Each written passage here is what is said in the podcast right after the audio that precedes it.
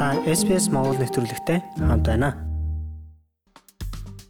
Өнгөрч байгаа өдрүүдэд австралчуудын анхаарлын төвд 2022-оос 23 оны санхүүгийн жилийн төсөв байлаа. Тэгвэл энэ төсвөөс хэн хожиж, хэн хохиров? Төсвийн тухай тойм нийтлэлийг SBS-ийн сэтгүүлч Isabella Lani бичснээр орчуулан хүргэж байна. 6 сая хүнд 250 долларын бэлэн мөнгө тараахаас эхлээд шатхууны үнийн өсөлтийн тусламж үзүүлэгчлэн холбооны сонгуульд төгсөн энэ үед батлагдсан 2022-оос 2023 оны төсөв их л чихэрлэг нялуун төсөв боллоо гэж хүмүүс ярьж байна. Эхлээд төсвөөс хожигсд нь хэн байв? Ажилчид болон ажил хайж байгаа хүмүүсийг энд нэрлэж болно. Сангийн сайд төсвийн танилцуулга ажилгүйдлийн тухай тоо баримтаас эхлүүлсэн юм. Одоогоор Австралид ажилгүйдэл 4% таа байгаа нь сүүлийн 48 жилийн хамгийн бага үзүүлэлт юм байна. Ирэх 9 сард гэхэд 375% хүрэхээр байна гэж таамаглаж байгаа юм байна. Цалин нэмэгдэж бараг сүүлийн 10 жилийн хугацаанд хамгийн хурдцаа өсөх хандлагатай байгаа юм байна. Төсвийн баримт бичих дурдсанаар 1 цагийн дундаж орлого 5 хувиар өсөх төлөвтэй байна гэжээ. Төсвөөс хожиж байгаа хоёр дахь салбар бол батлан хамгаалах юм. Батлан хамгаалах үндэсний аюулгүй байдал нь 2022-оос 23 оны төсвийн гол жанжин шугам байх бөгөөд дэлхийд даяар стратегийн хүчтэй тулаанд орж байгаа энэ үед олон улсын мөрдөж ирсэн дэг журам занал хийлэлд орлоо гэж засгийн газар анхааруулan хэлсэн. Манай бүс нутагт дэлхийн хэмжээнд ч үүнийг мэдэрч ялангуяа хятад улс улам бүр хүчтэй болж байгааг бид харж байна гэж засгийн газар хэллээ.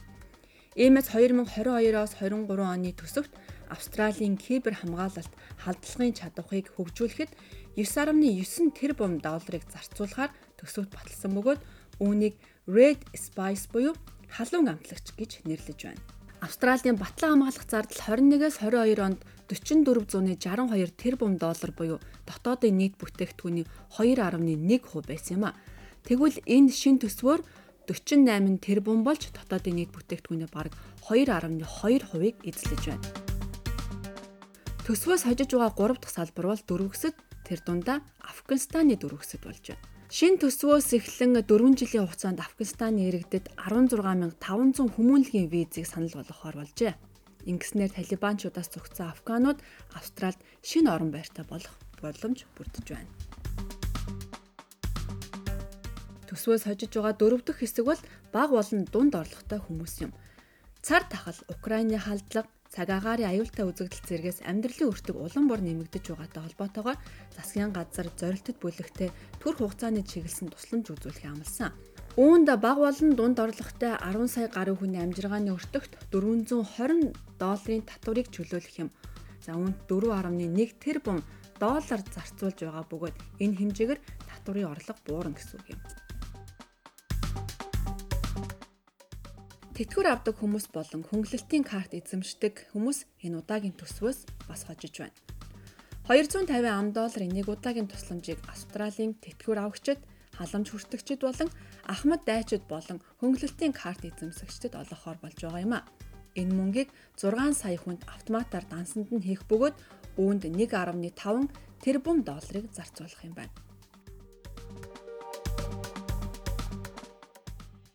Эдийн засаг энэ удаагийн төсвөөс хожиж байна. Австралийн дотоодын нийт бүтээгдэхүүн эрхчлүүлүүдэд өсөх хандлагатай байгаа юм.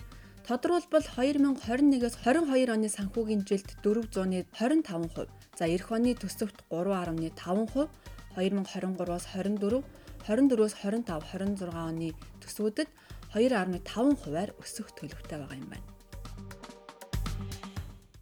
Жолооч нар энэ удаагийн төсвөөс хожин 1 литр шатхуун 2 ам долларыг давсан. Харин засгийн газар авто бензин, дизель төлсний онцгой албан татварыг 6 сарын хугацаатаагаар 2 дахин бууруулсан юм. Ингэснээр жолооч нарт литр тутамд нь 22 центийг хэмнэн гэсэн үг бөгөөд энэ нь 3 тэрбум долларын өртөгтэй арга хэмжээ болж байна. Засгийн газар онцгой албан татварыг бууруулснаар дор хаяж нэг автомашинтай өрхөд дунджаар 300 орчим долларын ашиг хүртэнэ гэж тооцжээ. Шатгууны онцгой албан татварыг бууруулснаар гэр бүлүүдэд туслаж инфляцийг бууруулж чадна гэж сангийн сайд Жош Фреденберг мэдэгджээ. Энэ бол төр зургийн арга хэмжээ 6 сарын хөнгөлөлт. Гэхдээ энэ нь амжиргааны өртгийг хөнгөвчлөх болно гэж сангийн сайд сэтгүүлчдэд ярьсан юм а. Шин төсвөөс хожих дараагийн салбар бол жижиг бизнесүүд энэ нь цагаачтад ашигтай хувилбар болж байна. Ажиллах хүчгүй болсон жижиг бизнесүүд ур чадвартай цагаачдын тоог нэмж байгаагаараа төсвөөс хожигсдын жагсаалтанд орж ирлээ. Ур чадвартай цагаачдын жилийн квотад 10 мянган ажилтан нэмж авахар шийдвэрийг засгийн газар гаргасан үүн дээр нэмээд 11 мянган үүргэвчтэй аялагчдыг нэмж ирүүлэх боломжийг хангажээ. Австралийн хөдөө орон нутгийн төсвөөс хожиж байна. Засгийн газар үндэсний хөгжил цэцэглэлтийг нэмэгдүүлэхээр орон нутагт 7.1 тэрбум долларын дэд бүтцийн ажил хийхээр болжээ. Энэ санхүүжилтийн задаргаа жаахан дэлгэрүүлж харъя барилгын ажил гэж харж болох юм а.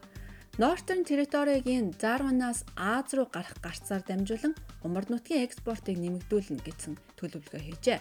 Үүнд дэд бүтцэд зориулж 2.6 тэрбум доллар төсвөлсөн байна. Засгийн газрын үндэсний усны сүлжээний санд 8.9 тэрбум ам доллар зарцуулахаар байсуулсан бөгөөд үүний 300 сая доллараар нь Дарвины бүс нутгийн усны аюулгүй байдлыг сайжруулахад зарцуулах юм байна. Квинслендийн хойд болон төв хэсэгт усны дэд бүтц хангамжийн сүлжээний төслүүдэд 1.7 тэрбум доллар, Хантер бүсэд 750 сая долларын экспортыг нэмэгдүүлэх тээвэр бомбын дэд бүтцийн төслүүдийг хийх юм байна. За 2022-оос 23 оны төсвийн талаарх нэвтрүүлгийнхээ дараагийн хэсэг шилжээ. Энэ бол төсвөөс хохироогүйч хожиж чадаагүй хэсэг юм. Байр түрээслэгчид болон орон сууцны зах зээл дээр тоглогчид энэ төсвөөс ихийг хүлээх хэрэггүй нэ. Австралийн олон газарт орон сууцны үн түрээсийн үн өссөөр байна. Засгийн газар ч олон мянган австралчуудыг байртай энэ салбарт хөлөө олоход нь сая саяар нь тусалсаар байгаа. Гэхдээ эдийн засагч Габриэла де Соуса засгийн газрын энэ схемийг далайд тусал нэмэр гэж тайлбарлаж байна. Бид томоохон хотуудад байшингийн үн 1 сая доллар давсан. Түүнээс ч дээш болсныг харахад энэ нь зүгээр л тусал төдий юм гэж тэр хэллээ. Байгаль орчин төсвөөс хохирохгүй ч хожихгүй тодорхой боллоо. Австрали улс сүүлийн жилүүдэд ойн төмрөөс эхлээд үерийн гамшигт нэрвдэд байгаа. Гэхдээ уур амьсгалын өөрчлөлт гэсэн нэр томьёо энэ удаагийн төсвийн баримт бичигт ганцхан удаа дурддагчээ. Австрали улс 2050 он гэхэд хортуудаа ялгаруулалтыг тэглэх замдаа орсон. Дэлхийн уур амьсгалын өөрчлөлтийн нэн чухал сорилтуудад хариу үйлдэл үзүүлэхэд өөрийн үүргээ бид гүйцэтгэж байна. Татвар биш, технологи биднийг тэнд хүргэнэ гэж сангийн сайд нь хэлжээ. урлагийнхан бас л хоцорлоо. Урлагийн салбар COVID-19 хамгийн их нэрвэгдсэн салбаруудын нэг. Тэд одоо ч эргэн сэргэхээр тэмцээр байгаа боловч 2022-оос 23 оны төсөвт багахан тусламж хүртэж эрхчлүүлүүдэд зарлагыг бууруулахар төлөвлөжээ. Урлагийн санхүүжилт 2021-с 22 онд 989 сая доллар байсан бол 2022-оос 23 онд 799 сая доллар, 2023-аас 24 онд 736 сая доллар болж буурна гэж төсвийн баримт бичигт дурдсан байна. Энэхүү эрт 7 дугаар сарын 1-ээс эхлэх санхүүгийн шинжилт хэрэгжих төсвийн тухай тоймлон хүргэлээ. Европт дайн эд өрнөж дэлхийн нийтийг хамарсан цар тахал дуусаагүй байхад аимшигт үеэр Австралийн орон нутгийг сүрүүлсэн энэ өдрүүдэд бид тодорхой бус цаг үед амьдарч байна гэж сангийн сайд төсвөө танилцуулахдаа онцлон хэлсэн. Өнгөрсөн 2 жил австралчуудын хувьд хүндхэн жилүүд байсан ч Австрали улс тогтвортой австралчууд хүчтэй хэвээр байна гэж тэрээр бас нэмж хэлсэн юм а. Австралчууд их хямралаас хойш хамгийн том эдийн засгийн цочрлыг даван туулсан. Бидний эргэн сэргэлт дэлхийг тэргүүлж Америкийн нэгдсэн улс, Их Британь, Канада, Франц, Герман, Итали, Японоос хурдан бөгөөд хүчтэйгээр хямралаас гарч байна гэж сангийн сайдыг хэлсэн үгээр энэ удаагийн нэвтрүүлгээ дуусгая.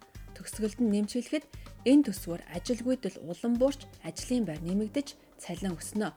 Энэ бол аз биш бидний төлөвлөгөө ажил хэрэг болж байгаагийн илрэл юм. JobKeeper 700 мянган ажлын байрыг хадгалсан. Home Builder компанид ажил 100 мянган гаруй австралчуудад гэртээ болгоход нь тусалж Австралийн зээлжих зэрэглэл AAA хэвээр байна.